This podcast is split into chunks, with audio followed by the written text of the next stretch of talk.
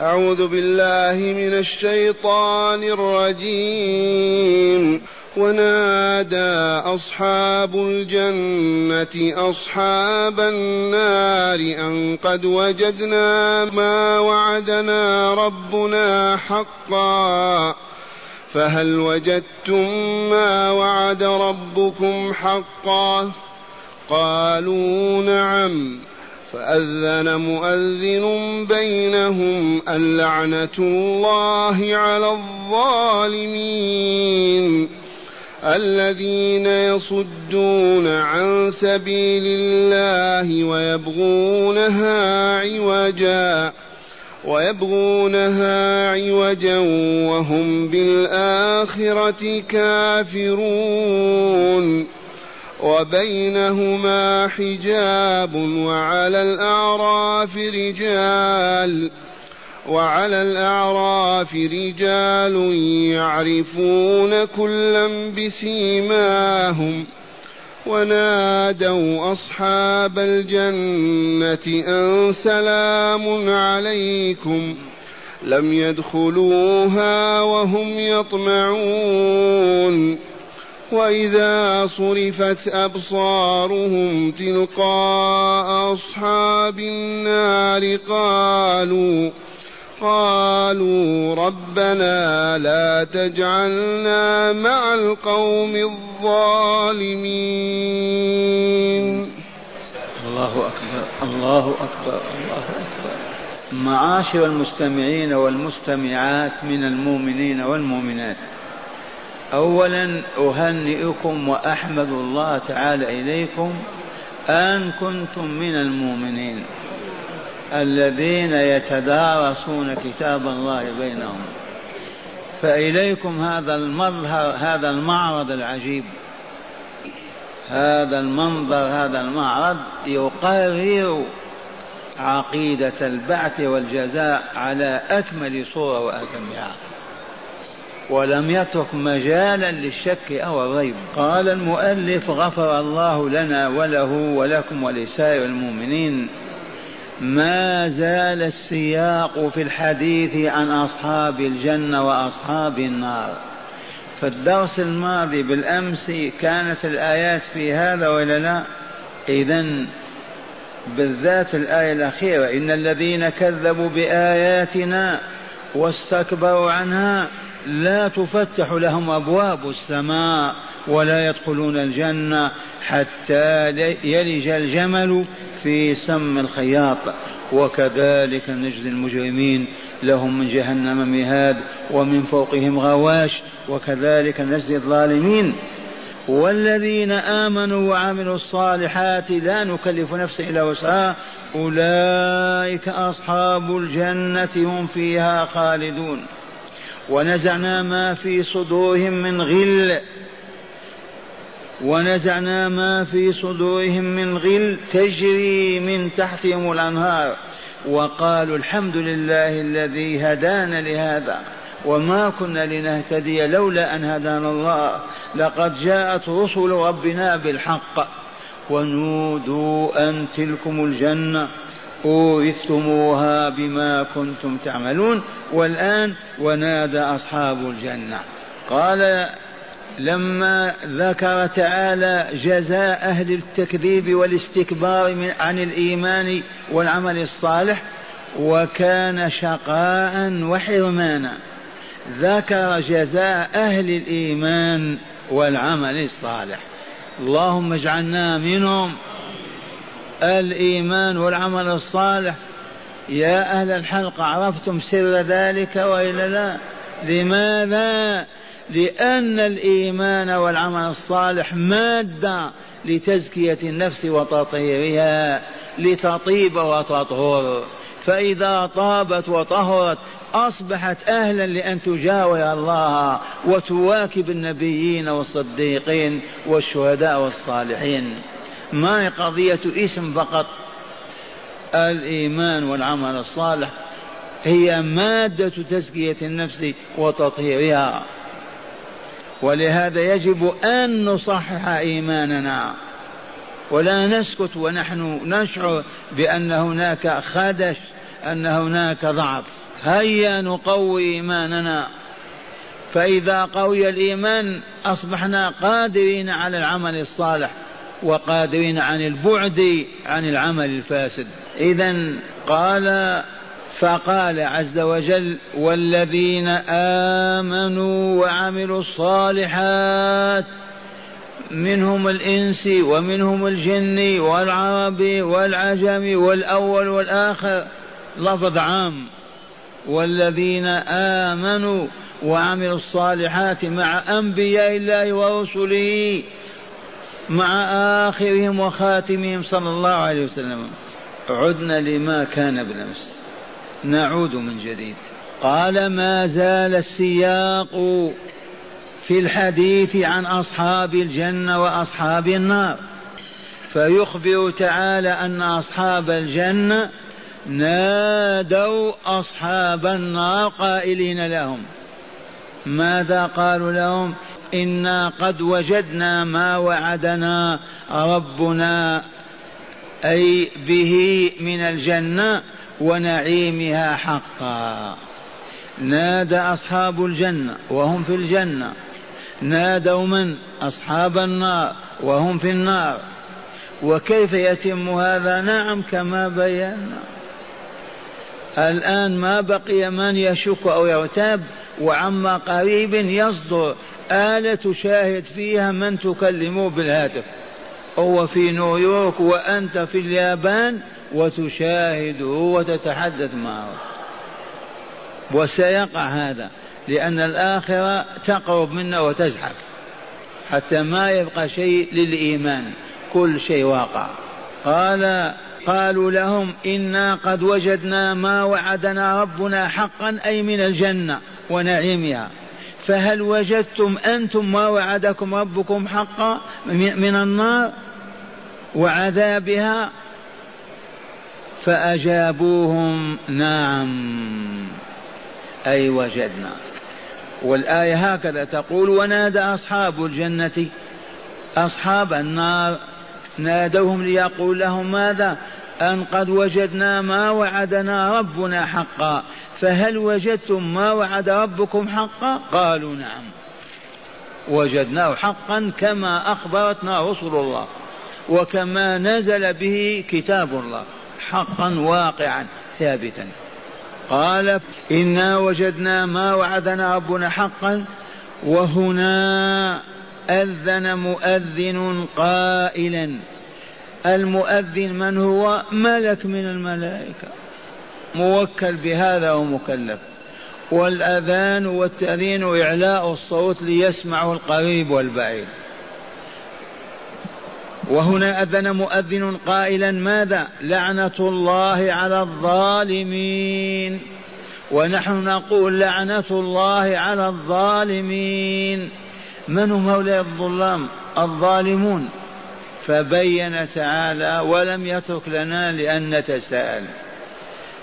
من هم الظالمون؟ الذين يصدون عن سبيل الله. يصدون أنفسهم ما يقبل على صيام ولا صلاة ولا ذكر الله. ويصدون غيرهم بالحيل والمكر وتزيين الباطل. هذا أبشع ظلم وافظعه يصده عن سبيل الله ويعرض عنها ويعطيها ظهره ولا يقبل أبدا عليها ثم ما يكتفي بهذا يصرف الناس ويصدهم عن عبادة الله وطاعته والإيمان به. الذين يصدون عن سبيل الله بأن يبعدوا الناس عن الإيمان والإسلام والعمل الصالح. ثانيا ويبغونها عوجا.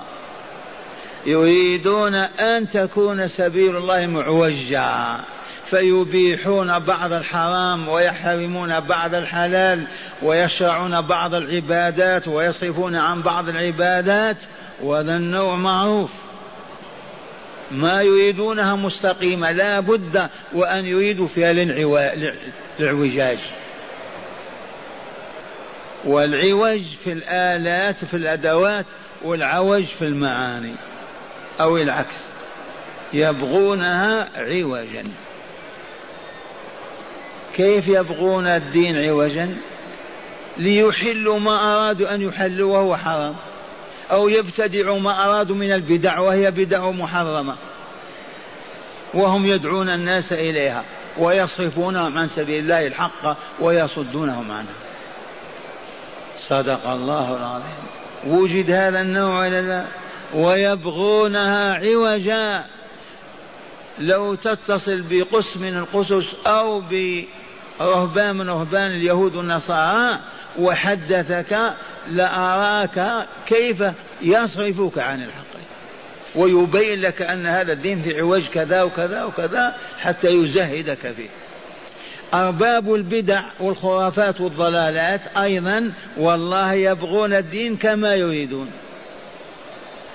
كما يحبون أن يكون للحفاظ على مراكزهم ومالهم ومنصبهم.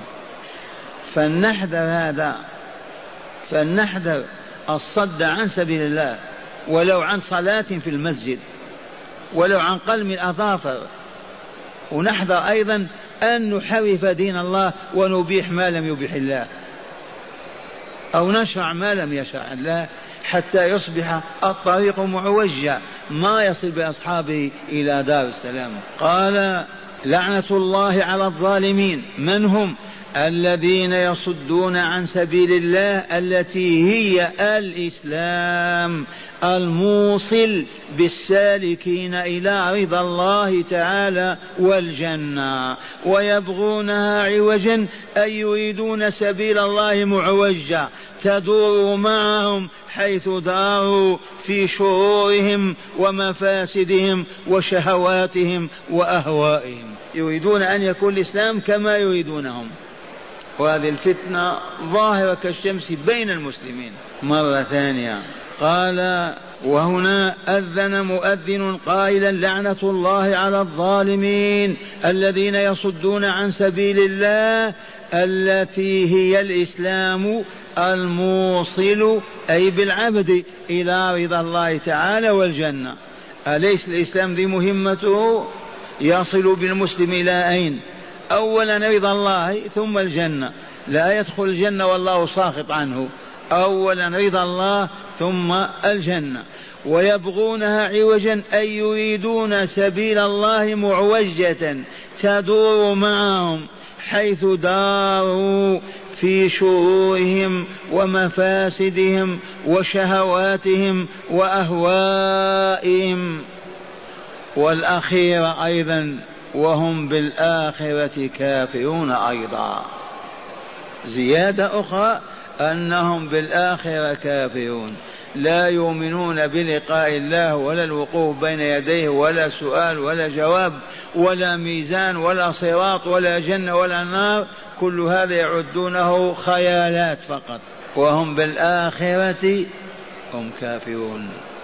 وقد علمتم وزادكم الله علما أن الإيمان بالله وباليوم الآخر هما قوة الإيمان. من ضعف إيمانه في واحدة منهما هبط. انتهى شأنه.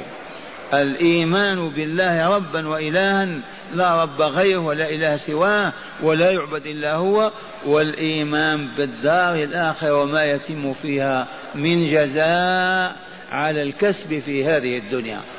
وهم بالآخرة هم كافرون. كم ذكر من ذنب من ذنوبهم؟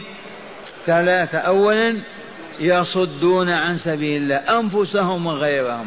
ثاني يبغونها عوجا يريدون الدين يمشي كما يريدون على أهوائهم وشهواتهم ثالثا وهم بالآخرة والعياذ بالله هم كافرون. قال فهؤلاء يلعنونهم. لعنة الله على الظالمين. لعنة الله على الظالمين الذين تلك صفاتهم. قال تعالى في الآية الثالثة وبينهما أي بين أهل الجنة وأهل النار حجاب. من الذي يلعنهم؟ قال فأذن مؤذن قال فأذن مؤذن بينهم. اللعنة الله على الظالمين وبين لنا من هم هؤلاء المنعونون المبعدون من رحمة الله التي هي الجنة ورضاه ثم قال تعالى وبينهما أي بين أهل الجنة وأهل النار حجاب أي فاصل أي حاجز وهو مكان عال مرتفع. أو مكان على مرتفع. وهذا في عرصات القيامة في ساحة فصل القضاء. وعليه أي على ذلك المكان المرتفع عليه رجال من بني آدم. منا. لماذا ذكر الرجال فقط؟ كعادة القرآن ما يذكر النساء. تباتم. وعلى العراف رجال رجال من بني آدم استوت سيئاتهم وحسناتهم. استوت اعتدلت الحسنات على مقدار السيئات. كفة الميزان ما رجحت. لا بالحسنات ولا بالسيئات. فلو رجحت بالحسنات لكانوا من أهل النور ودخول الجنة. لو رجحت السيئات لكانوا من أهل النار والسقوط فيها. لكن استوت حسناتهم مع سيئاتهم. هنا عبد الله بن مسعود يلعن هذا الإنسان ويقول الحسنات الحسنة بعشرة وإلا لا؟ والسيئة السيئة بمثلها بسيئة إذا كان آحادك غلبت عشراتك لا خير فيك. الآحاد السيئات السيئة بسيئة. والحسنات حسنة بعشرة فالذي تغلب آحاد عشرة لا خير فيه. ما له وجود ولا بصيرة.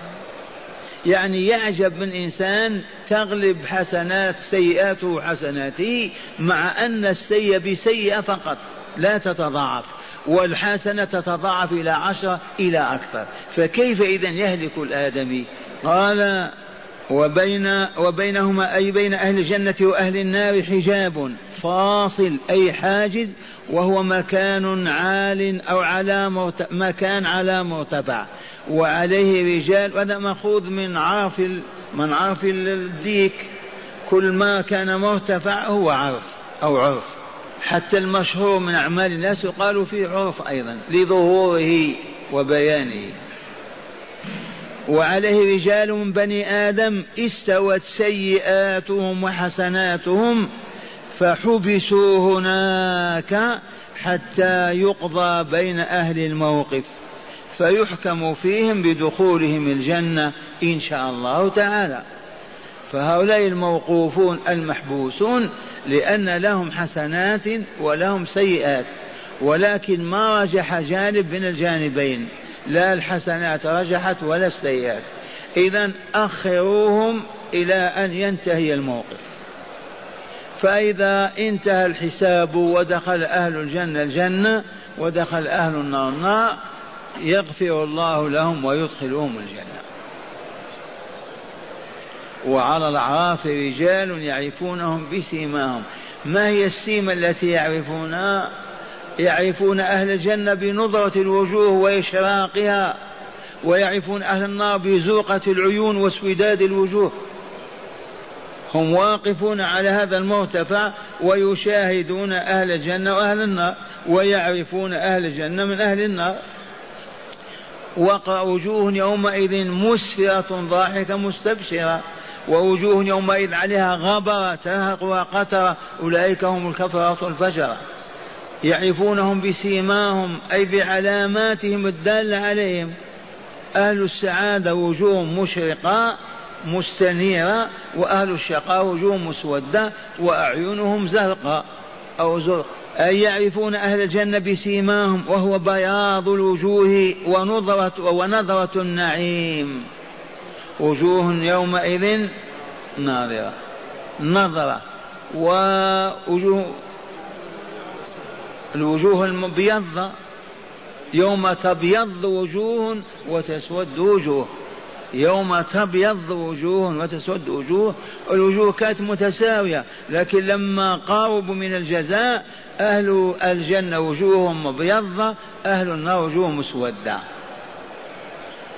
أصحاب العراف يعرفون هؤلاء وهؤلاء بوجوههم بعلاماتهم بسيماهم. إذ قال تعالى وقوله الحق يعرفون كلا من الطرفين أي من أهل الجنة وأهل النار. يعرفونهم بماذا؟ بسيماهم. أي يعرفون أهل الجنة بسيماهم؟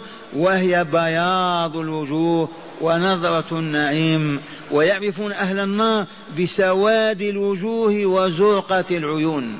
أهل النار أعينهم زرق ووجوههم مسودة قال تعالى ونادوا أصحاب الجنة. أي نادى أصحاب الأعراف أصحاب الجنة. أصحاب الأعراف يتملقون يتطمعون نادوا أصحاب الجنة وهم يشاهدونهم. ونادى أصحاب الأعراف أصحاب الجنة قائلين سلام عليكم طبتم. سلام عليكم يتطمعون بذلك كما قال تعالى لم يدخلوهم يطمعون. لما يسلمون على الجنة يتطمعون بذلك عسى أن يقال لهم تعالوا إذا التحقوا بهم. يتطمعون أصحاب الجنة قائلين سلام عليكم. كما قال تعالى لم يدخلوها وهم يطمعون. وإذا صرفت أبصارهم تلقاء أصحاب النار. هم في عالي ينظرون عن يمين وعن شمال. وإذا صرفت أبصارهم تلقاء أصحاب النار أي جهة أصحاب النار أي نظروا إلى جهة أهل النار. فرأوا أهلها مسودة وجوههم زرق أعينهم يكتنفهم العذاب من فوقهم ومن تحت أرجلهم. رفعوا أصواتهم قائلين ربنا لا تجعلنا مع القوم الظالمين. ربنا لا تجعلنا مع القوم الظالمين. عرفتم الظلم في هذه الآية؟ الصد عن سبيل الله.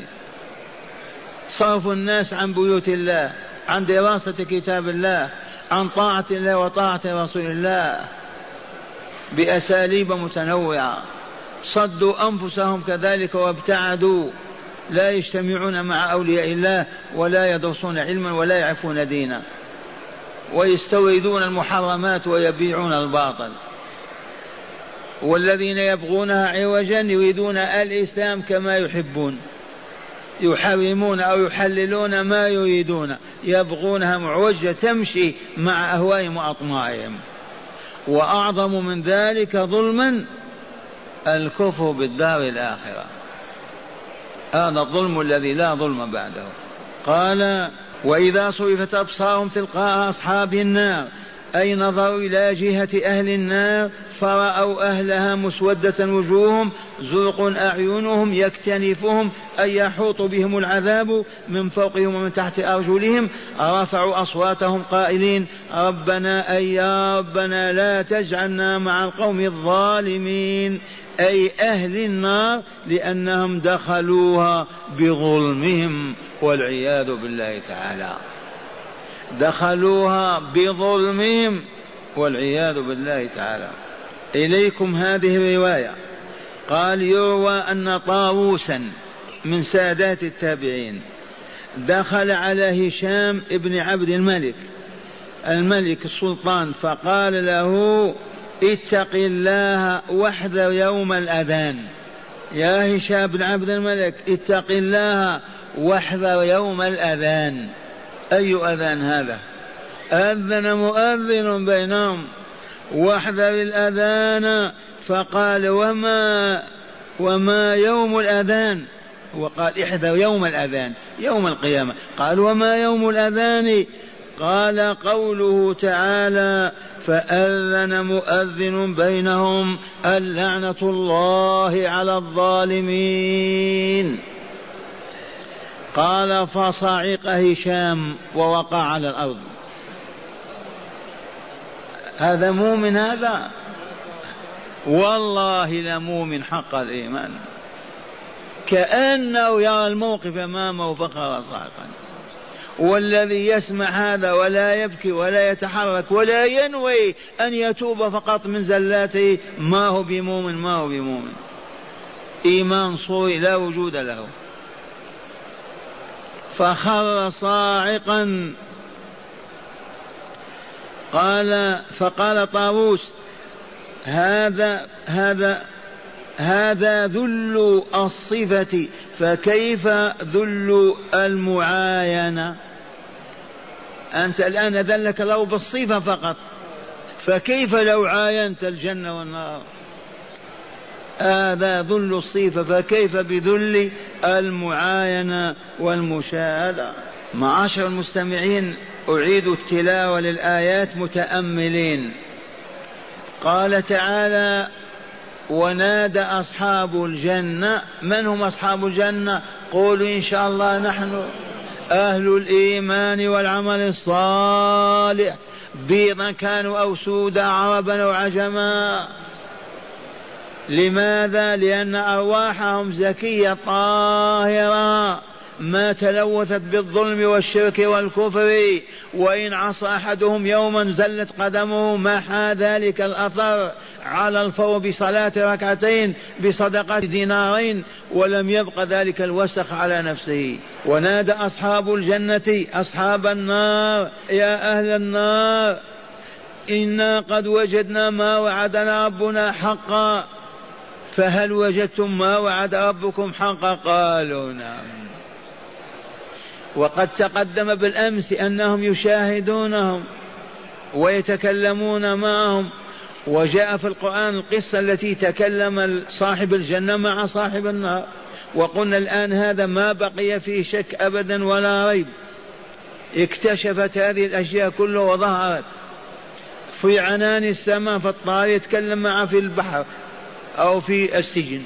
ماذا قالوا؟ إنا قد وجدنا ما وعد ما وعدنا ربنا حقا ثابتا وها نحن فيه من نعيم الجنة. فهل وجدتم أنتم ما وعد ربكم حقا؟ يقولون لا. ماذا قالوا؟ إيه نعم. هم فيه في الخزي والعذاب. قالوا نعم. إذا فآذن مؤذن بينهم أي بين أهل الجنة وأهل النار بأعلى صوته. ملك يسمع صوته كل موجود لا في الجنة ولا في النار. أصواتنا الآن محدودة وإلا لا؟ عشرة كيلو خمسة كيلو. أبصارنا كذلك محدودة ولا؟ ننظر خمسة كيلو. طاقتنا البدنية محدودة ولا لا؟ عقولنا محدودة ولا لا؟ أما الخلق الآخر يكفيك أننا نرى ربنا عز وجل والرسول ما استطاع يراه لنوره لأنه ببصر هذه الدنيا. فأذن مؤذن بينهم ماذا قال؟ اللعنة الله على الظالمين ولعنة الله معناها البعد من رحمة الله ونعيم الجنة بعد حصول على غضب الله وسخطه. قال لعنة الله على الظالمين. من هم هؤلاء الظالمون؟ لو نسأل الله لكن الله بين. قال الذين يصدون عن سبيل الله ما هي سبيل الله هذه؟ بين الأصبان والمغرب وإلا فين؟ ما المراد من سبيل الله؟ إنها الإسلام. بواجباته ومحرماته ببدايته وهي عقيدته والسير في طريق ذلك الصراط إلى باب الجنة. الإسلام هو الصراط هو سبيل الله. أليست السبيل هي الطريق ولا لا؟ سابلة. إذا والإسلام والله كأنه طريق. وأنا ماشيين إلى الموت. هذا واجب نفعله هذا حرام نتركه. وماشيين. إلى باب الجنة إلى أن نموت ونلفظ أنفاسنا. قال الذين يصدون عن سبيل الله أبشر يا أبا لهب ويا أبا جهل ويا النضر بن الحارث وهي فيهم نازلة وهم يعرفون. وإن كانت شاملة كل من صد عن سبيل الله وابتغاها عوجا. قال ويبغون عوجا وهم زيادة على هذا بالآخرة هم كافرون والعياذ بالله. ما معنى كافرون بالآخرة؟ من يجيبنا من السامعين؟ لا يؤمنون بها غير مصدقين بوجود الدار الآخرة وما فيها من نعيم من نعيم أو عذاب. يرون إلا هذه الحفرة التي هم فيها وما وراءها وما فوقها. وأين نهاية ما تحتك لكن الجهل والعياذ بالله. قال وبينهما حجاب. حاجز. بين من؟ بين أهل الجنة وأهل النار. وآية سورة الحديد يوم فضرب بينهم بسور له باب باطن فيه الرحمة وظاهر هم في عرصات القيامة. فجأة يضرب هذا السور تبهتم؟ وضرب بينهم بسور له باب باطنه فيه الرحمة وظاهر من قبله العذاب ينادونهم ألم نكن معكم؟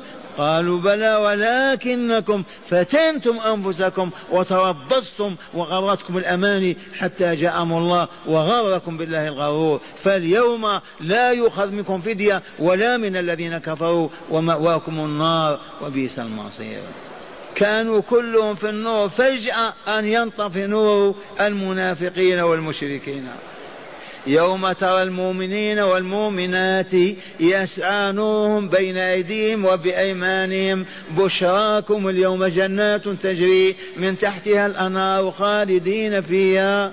ذلك هو الفضل ذلك هو الفوز العظيم. والشاهد عندنا هذا كامل يتم في عرصات القيامة كما هي آياتنا الآن. قال وبينهما حجاب وعلى الأعراف رجال. يعرفون كلا بسماهم يعرفون أهل الجنة بعلاماتهم ويعرفون أهل النار بعلاماتهم. ما علامات أهل النار أيها المستمعون؟ أو ما يهمكم تعرفون أو لا؟ إسوداد الوجوه وزرقة العيون. لما ما نغني بهذا ونتكلم به حتى يفهم الناس؟ ما نريد أن ينتشر العلم. ما سمات ما صفة أهل الجنة؟ أه؟ نظرة الوجوه وإشراق وبيضها بياض الوجوه ونظرتها وإشراقها. وآية سورة العبس ماذا فيها؟ وجوه يومئذ وجوه يومئذ مسفرة ضاحكة مستبشرة. ووجوه يومئذ عليها غبرة ترهقها قترة. أولئك هم الكفرة الفجرة. قال وبينهما حجاب على العراف رجال يعرفون كلا بسماهم ونادوا أصحاب الجنة. من الذي نادى أصحاب الجنة؟ أصحاب النار. أصحاب العراف أهل القمة التي وقفوا عليها والحساب يجي هنا وهنا وهم يشاهدون موقوفون لأن حسناتهم مستوية بسيئاتهم حتى يفرغ من الحساب ويغفر الله لهم. قال ونادوا أصحاب الجنة ماذا قالوا لهم؟ أن سلام عليكم. ثم قال تعالى لم يدخلوا وهم يطمعون. من هؤلاء؟ أصحاب الأعراف سلام عليكم. يريدون أن يقولوا لهم ادخلوا تعالوا معنا. يطمعون. يجوز التطمع وإلا لا؟ قال وإذا صرفت أبصارهم. أبصارهم ما هي كأبصار هذه محدودة الرؤية يشاهدون الموقف كاملا. وإذا صرفت أبصارهم تلقاء أصحاب النار. في الأول نظروا إلى أهل الجنة وطمعوا والآن ينظرون إلى أهل النار. قال وإذا صرفت أبصارهم تلقاء أصحاب النار؟ قالوا ربنا لا تجعلنا مع القوم الظالمين. ربنا لا تجعلنا مع القوم الظالمين الذين يصدون عن سبيلك ويبغونها عوجا ولا يؤمنون بالآخرة ولقائك. واضحة هذه المعاني؟ ننساها أو لا ننساها؟ كيف ننساها؟ والآن مع هداية الآيات هذه الآيات تحمل هدايات ربانية. لا يحرمها إلا شقي. أولا وجود اتصال كامل بين أهل الجنة وأهل النار. متى أراد أحدهم ذلك؟ بحيث إذا أراد من في الجنة أن ينظر إلى من في النار ويخاطبه تم له ذلك. هذه قدرة العظيم ولا لا؟ ما قلنا الآن سيأتي هذا الهاتف ذكر هذا الشيخ رشيد رضا في أيامه. قال أوشك أن يأتي. والآن قالوا وجد. تتكلم معه وتشاهد وجهه. وأنت في اليابان وهو في الأمريكان قال منين عرفنا هذا؟ كيف استنبطنا هذه الهداية؟ وجود اتصال كامل بين أهل الجنة وأهل النار. مع أن أولئك في عالم وهؤلاء في عالم. هابط وعالي ويتم الاتصال كاملا. ثانيا يجوز إطلاق لفظ الوعد على الوعيد للمشاركة أو للتهكم كما في هذه الآية. قالوا وجدنا ما وعدنا. في الحقيقة ما أوعدنا العذاب. فأطلق الوعد وأريد به الوعيد. يجوز إطلاق الوعيد على الوعد. إذا وجدت حالة تدل على أنه وعد أو على أنه وعيد. قال ثالثا رب ثالثا التنديد تعرفون التنديد ولا ندد به يندد قبحه شينه قال فيه ما قال. التنديد بالصد عن سبيل الله والظلم والكفر بالآخرة وهي أسباب الشقاء في الدار الآخرة. ندد الآية بهم ولا لا؟ الذين يصدون عن سبيل الله ويبغونها عوجا وهم بالآخرة هم كافرون. أعظم تنديد. قال رابعا تقرير مبدأ أثقل الحسنات. مبدأ ثقل الحسنات أو ثقل الحسنات ينجي وخفتها تردي. ثقل الحسنات ينجي وخفة الحسنات تردي ما معنى تنجي؟ من عذاب الله. ما معنى تردي تهلك. وقد عرفتم المفلس ذاك الذي تغلب سيئاته حسناته مع أن الحسنة مضاعفة له بعشرة والسيئة ما تكتب إلا سيئة واحدة. عرفتم؟ قال تقرير مبدأ ثقل الحسنات ينجي وخفتها يردي ومن استوت حسناته وسيئاته ينجو آخر من ينجو من دخول النار. آخر من ينجو. لماذا استوت حسناته وسيئاته؟ لو صلى ركعتين قبل أن يموت بدقيقة لارتفعت حسناته. لكن استوت.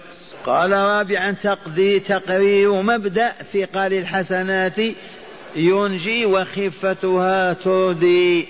ومن استوت حسناته وسيئاته ينجو آخر من ينجو من دخول النار ويدخل الجنة. أصحاب العراف.